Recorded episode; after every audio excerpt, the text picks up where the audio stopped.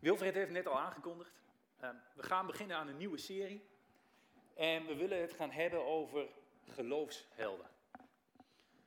Dat gaan we doen aan de hand van een aantal verhalen uit het Oude Testament.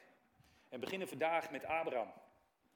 Maar voordat ik erover begin, is het misschien goed om dan heel even te kijken wat nou eigenlijk een held is. Uh, de dikke van Dalen zegt daarover, uh, iemand die uitblinkt in moed. Gaan we even een filmpje kijken. Autootje door de berm. Moet je even opletten, een beetje links. Tegen de vangrail aan. Links uh, gaat een auto uh, naar rechts. Bam.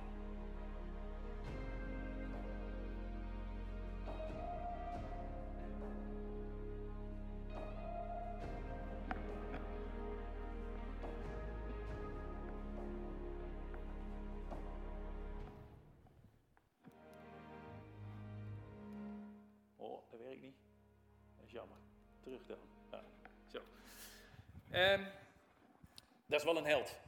Je ziet wat, als je op de, op de snelweg rijdt en je achteruitkijkspiegel, gaat iets niet goed achter je en je besluit om je auto voor een auto te zetten die aangestroomd komt. Dan ben je in mijn beleving wel een held. Dan blink je wel uit in moed. En ik denk dat we allemaal wel meer helden kunnen noemen. We kennen ze wel, de superhelden. Batman, Spider-Man, uh, Superman. Uh, allemaal mensen, mensen, dat is een beetje twijfelachtig in dit geval natuurlijk, die uitblinken in moed. Ik denk dat je ook aan een andere categorie helden zou kunnen denken. Mensen die iets gepresteerd hebben, die ergens op, op hoog niveau staan. Uh, dan zou je bijvoorbeeld kunnen denken aan de sport, hè, de Sven Kramers van deze wereld, uh, de Maradona's. Uh, maar je kunt ook denken aan mensen die iets gepresteerd hebben in de muziek. Ehm, die met hun band veel hits hebben gescoord. Bijvoorbeeld Bono van U2 is voor mij persoonlijk best wel een beetje een held. Um, Ed Sheeran voor een aantal, wellicht ook wel. Uh, en die hebben we ook dichter bij huis. André Hazes, Marco Borsato, Ali B. Maar je zou ook kunnen denken aan mensen die iets gepresteerd hebben in de maatschappij. Die in de tijd van de coronacrisis grote schaarste mondkapjes een goede deal hebben weten te sluiten. Siewert van Linden. Allemaal helden. Maar ja, die laatste categorie, die laatste paname die ik noem, daar voel je al wel aan, daar gaat toch iets een beetje wringen. Dat gaat een beetje scheef. Um, alle helden hebben toch ook wel zo hun zwaktes. Dat geldt ook voor die superhelden.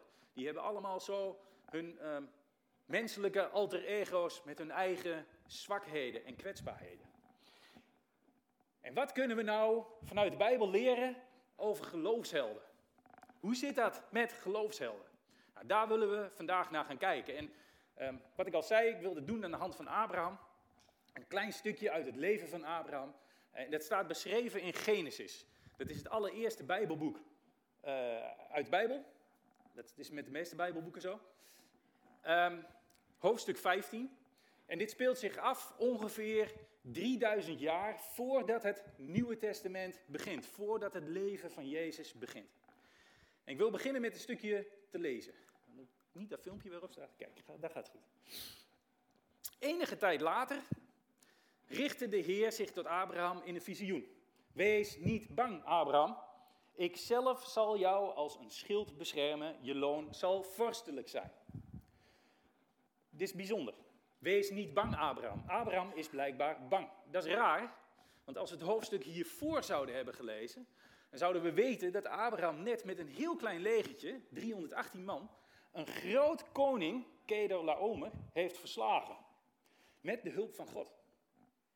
Je zou dus verwachten dat Abraham in een, in een soort roes verkeert, een overwinningsroes. Zoals je dat zelf kunt hebben. Klein beetje pijnlijk voorbeeld, maar half april bijvoorbeeld, toen PSV Ajax versloeg in de beker, toen had je echt zo'n gevoel van, oh yes, zie je dat? We kunnen ze verslaan, we kunnen ze hebben. Gaat gebeuren. Misschien was je een paar weken geleden bij de paasdienst, of bij de doopdienst. Twee geweldige diensten. Voor mij, ik vond het echt hoogtepunten in het bestaan van de stadskerk. Als je God zo aan het werk ziet. Als je ziet wat er gebeurt in die diensten, daar gaat zo'n kracht vanuit. Dan groeit je geloof. je passie, je enthousiasme. En mijn dochter, Eileen, onze oudste, ehm, liep in haar zesde jaar op het VWO. Dat is alweer een paar jaartjes geleden. Uh, een zware hersenschudding op. Ze moest examen doen en dan gebeurt er zoiets. En ze komt bij de neuroloog in het ziekenhuis, die maakt foto's, die gaat het gesprek met haar aan en zegt, nou meis, dat VWO-examen, dat kun jij dit jaar wel vergeten. En terwijl ze het ziekenhuis uitloopt, samen met haar moeder, zegt ze, maar die neuroloog kent onze God niet. En het is niks minder dan een Gods wonder dat zij dat jaar is geslaagd voor het VWO. En dat zij werd toegelaten tot haar droomopleiding. Geneeskunde in Rotterdam. En als dat gebeurt, mensen, dan leef je in een overwinningsroes. Wat een bevestiging. Jij mag geneeskunde gaan doen. Dit is zo mooi. Dit is Gods plan met jouw leven. Abraham heeft dat gevoel helemaal niet. Hij is angstig, bang. En bovendien trekt hij de belofte die God hier doet in twijfel. Heer mijn God, antwoordde Abraham. Wat voor een zin heeft het mij te belonen? Ik zal kinderloos sterven. En alles wat ik bezit zal het eigendom worden van Eliezer uit Damascus. U hebt mij immers geen nakomelingen gegeven, daarom zal een van mijn dienaren mijn erfgenaam worden. Wat kan de twijfel toeslaan in je leven? Als het even niet meezit. Als je denkt dat je je droombaan hebt gekregen en het valt in de praktijk zo ongelooflijk tegen. Wat kun je doen? Je kunt boos worden. Je kunt het beltje erbij neergooien. Je kunt er tegenaan gaan schoppen. Of je kunt het heft in eigen handen nemen. Zelf met een oplossing komen. Zoals Abraham ook hier doet. Mijn bezit zal dan wel eigendom worden van een van mijn dienaren. Dat herken je misschien ook wel uit je eigen leven. Dat als het allemaal niet loopt zoals je hoopt, dat je dan zelf maatregelen gaat nemen, zelf voorzieningen gaat treffen, het heft in eigen handen neemt. Maar Abraham gaat nog wel een stapje verder. Hij bekritiseert God. Je moet het lef maar hebben. Abraham, een geloofsheld. Hij is bang. Hij twijfelt. En hij is kritisch op God.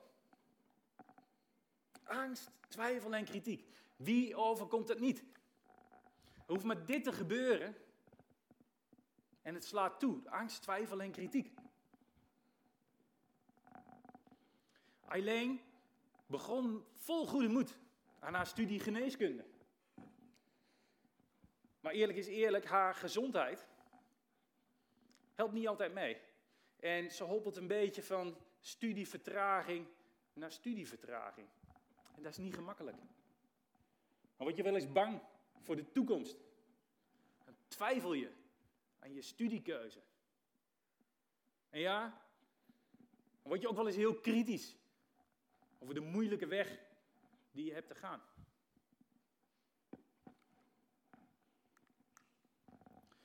Maar de Heer sprak opnieuw tot hem. Nee, niet je dienaar zal jouw bezittingen erven, maar een kind dat jij zelf zult verwekken. En daarop leidde hij Abraham naar buiten. Kijk eens naar de hemel, zei hij, en tel de sterren als je dat kunt. Abraham vertrouwde op de Heer en deze rekende hem dit toe als een rechtvaardige daad.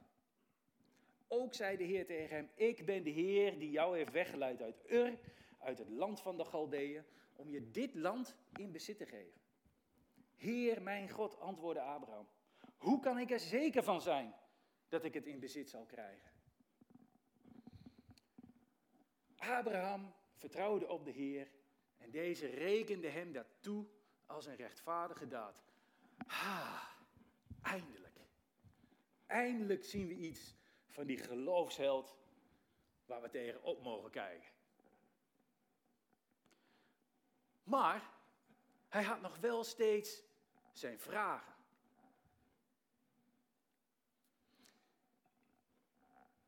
Abraham vertrouwt op de Heer, maar hij vraagt wel, Heer mijn God, hoe kan ik er zeker van zijn? Dat hij een kind zal krijgen, dat is hem al vaker beloofd door God, en dat hij een groot nageslacht zal krijgen, dat, dat kan hij ergens nog wel geloven. Maar dat van het land, kijk, Kedar Laomer verslaan met 318 man, dat is één ding. Maar een heel land in bezit krijgen, dat is wel wat anders. Heer, mijn God, hoe kan ik er zeker van zijn? Het leven haalt je onderuit. De angst en de twijfel slaan toe. Waar zit dat bij jou? Waar heb jij je angst, je twijfels? Zit het in je relatie, in je gezin, je opleiding of je werk? Misschien wel bij jezelf, vanwege een negatief zelfbeeld. Je VWO-diploma halen met een hersenschudding, dat is één ding. Afstuderen als gediplomeerd arts, dat is heel wat anders. Heer, mijn God, hoe kan ik er zeker van zijn? vraagt Abraham. Abraham vertrouwt, maar heeft ze vragen. Hij heeft ze vragen en hij stelt ze. Mag dat? Wat vindt God daarvan? Is dat acceptabel? God antwoordt met een heel bijzonder antwoord. Haal een driejarige koe, zei de Heer. Een driejarige geit en een driejarige ram. Een tortelduif en een jonge gewone duif. Abraham wil bewijzen. Dat zien we vaker terug in de Bijbel. Eh, als Jezus net is opgestaan uit de dood, dan heeft een van zijn beste vrienden ook bewijzen nodig. Jezus laat zich zien aan een, aan een paar vrouwen en aan de meeste van zijn discipelen. Maar Thomas, ook een van de discipelen, heeft Jezus nog niet gezien. Hij zegt, ik kan het niet geloven. Totdat Jezus en Thomas bij elkaar komen. En wat doet Jezus dan? Dan zegt Jezus, kijk hier Thomas, kijk. Kijk naar de gaten in mijn handen. Kijk naar de gaten in mijn voeten. Kijk naar de plek in mijn zij waar de speer ingestoken is geweest. Jezus verwijt Thomas geen ongeloof. Want Jezus vraagt niet van je dat je gelooft wat je kunt geloven. Jezus komt naar Thomas toe. Zo is God. Zo is God ook bij Abraham. Als hij hem de sterrenhemel laat zien. En als hij tegen hem zegt, haal die dieren. Dan spreekt God een taal die Abraham begrijpt. Waar Abraham wat mee kan. Zo is God. Zo is Jezus. Ook bij Petrus, een andere vriend van Jezus. Een andere discipel die met Jezus was opgetrokken. Maar die toen Jezus gevangen genomen werd, tot drie keer toe had gezegd dat hij Jezus niet kende. Niks met hem te maken wilde hebben. En na de opstanding komen ook Petrus en Jezus elkaar tegen.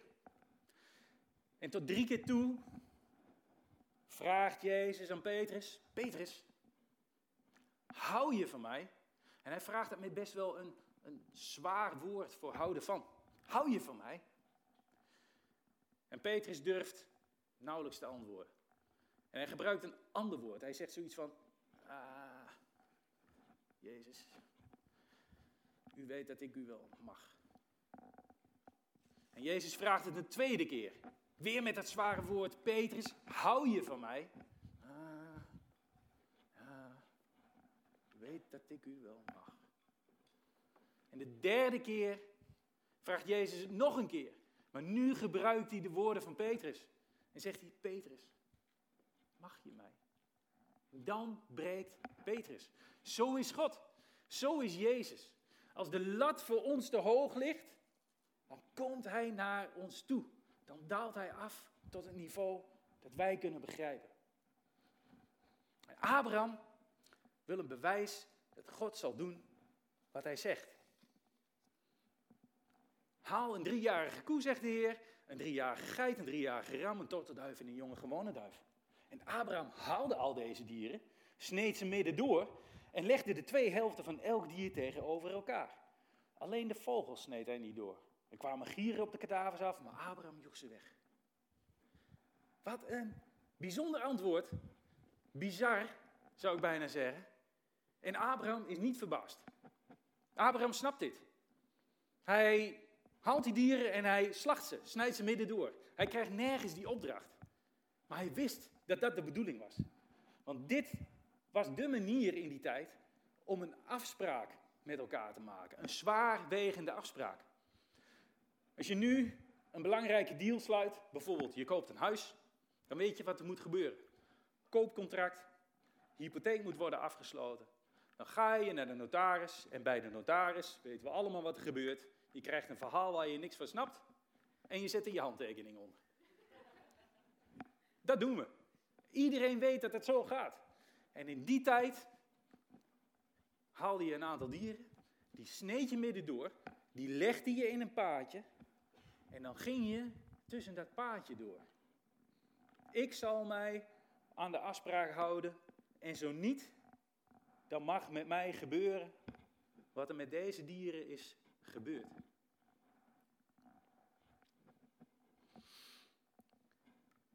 En als het paadje is gevormd, met die dieren aan beide kanten, dan wordt het donker.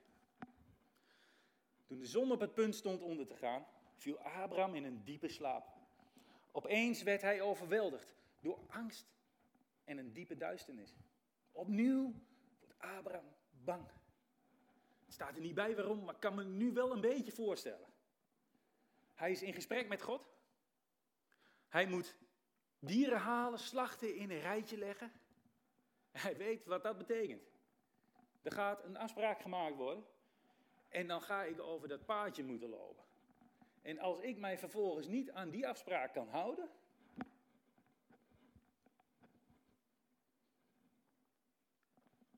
Ik snap dat hij bang werd.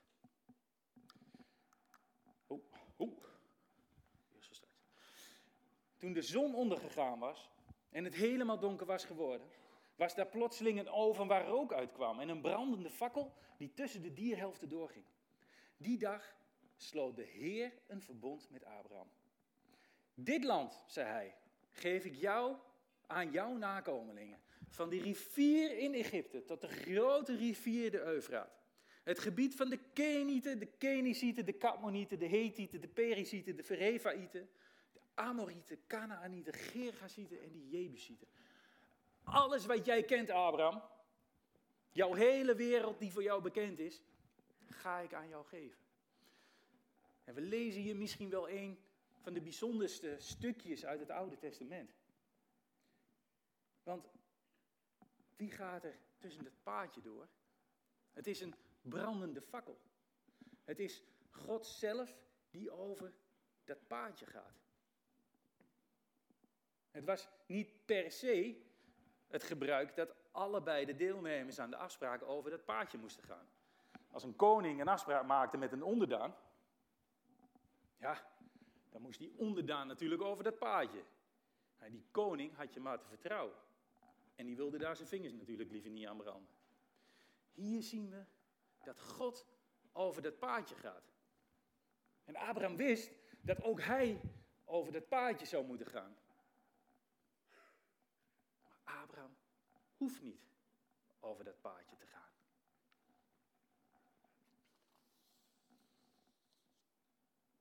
God gaat zelf. Als antwoord op de vragen van Abraham. Als ik mij niet houd aan mijn deel van de afspraken, dan mag ik gedood worden zoals deze dieren zijn gedood. Dat kan toch niet? Almachtige God. Die over dat paadje gaat en zegt dat hij gedood mag worden. Dan wordt toch het onmogelijke mogelijk. Het onsterfelijke sterfelijk. Dan, dan, dan zou God, de Almachtige, zelf gedood moeten worden. Abraham hoeft niet ook te lopen. Alsof God zegt, als ik mij niet houd aan het verbond, dan mag ik gedood worden. Maar Abraham, als jij je niet houdt aan het verbond, dan mag ik gedood worden.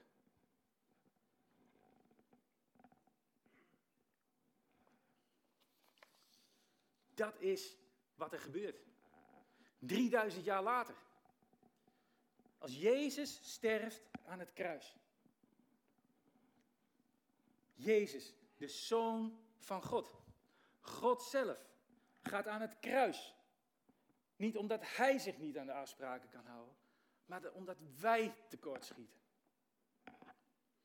Daarom wordt God gedood. Dit is zo bijzonder aan God. God die afdaalt naar het niveau van jou. Leveltje Thomas, leveltje Petrus, leveltje Abraham. Dat is genade. De God die gedood mag worden omdat jij je niet aan zijn afspraken kunt houden. 100% genade. Niet verdiend, maar je krijgt het wel. En dit is waarom je er zeker van kunt zijn dat God te vertrouwen is. Hou vol. Wat er ook gebeurt in je leven. Hou vol. Dit is waarom je er zeker van kunt zijn dat God altijd trouw blijft. Thomas kon het niet geloven. Petrus had er de woorden niet voor. Eileen en ik, en haar moeder ook, wij hebben soms moeite om, om de moed erin te houden, om te blijven geloven. Abraham kan het niet geloven. Heer mijn God, hoe kan ik er zeker van zijn? Heb jij je angsten? Heb jij je twijfels? Ben je kritisch op God? Uit het. Praat erover. Met mensen om je heen. Mensen die God ook kennen. Leg het neer bij God. Heer mijn God. Hoe kan ik er zeker van zijn?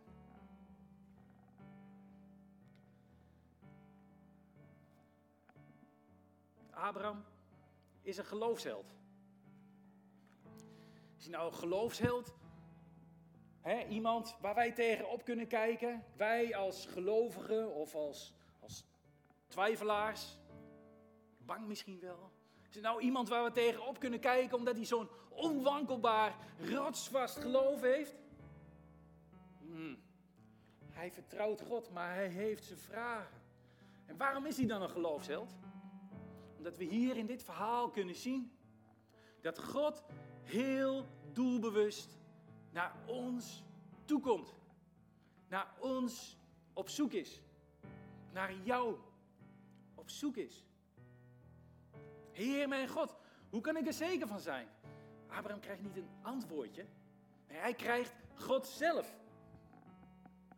Wij krijgen God zelf. God gooit alles in de strijd als jij niet kunt geloven. Hou vol. Want je kunt er zeker van zijn dat God ook jou op het oog heeft. Dat God er ook voor jou wil zijn. Wie is hier de held? God geeft zichzelf. Omdat hij niet alleen zijn kant van het verbond, maar ook jouw kant van het verbond wil houden. Laat mij maar over het pad gaan. En als de lat voor jou te hoog ligt, dan zal ik voor jou sterven. En weer opstaan. De dood overwinnen. Wat wil je nog meer?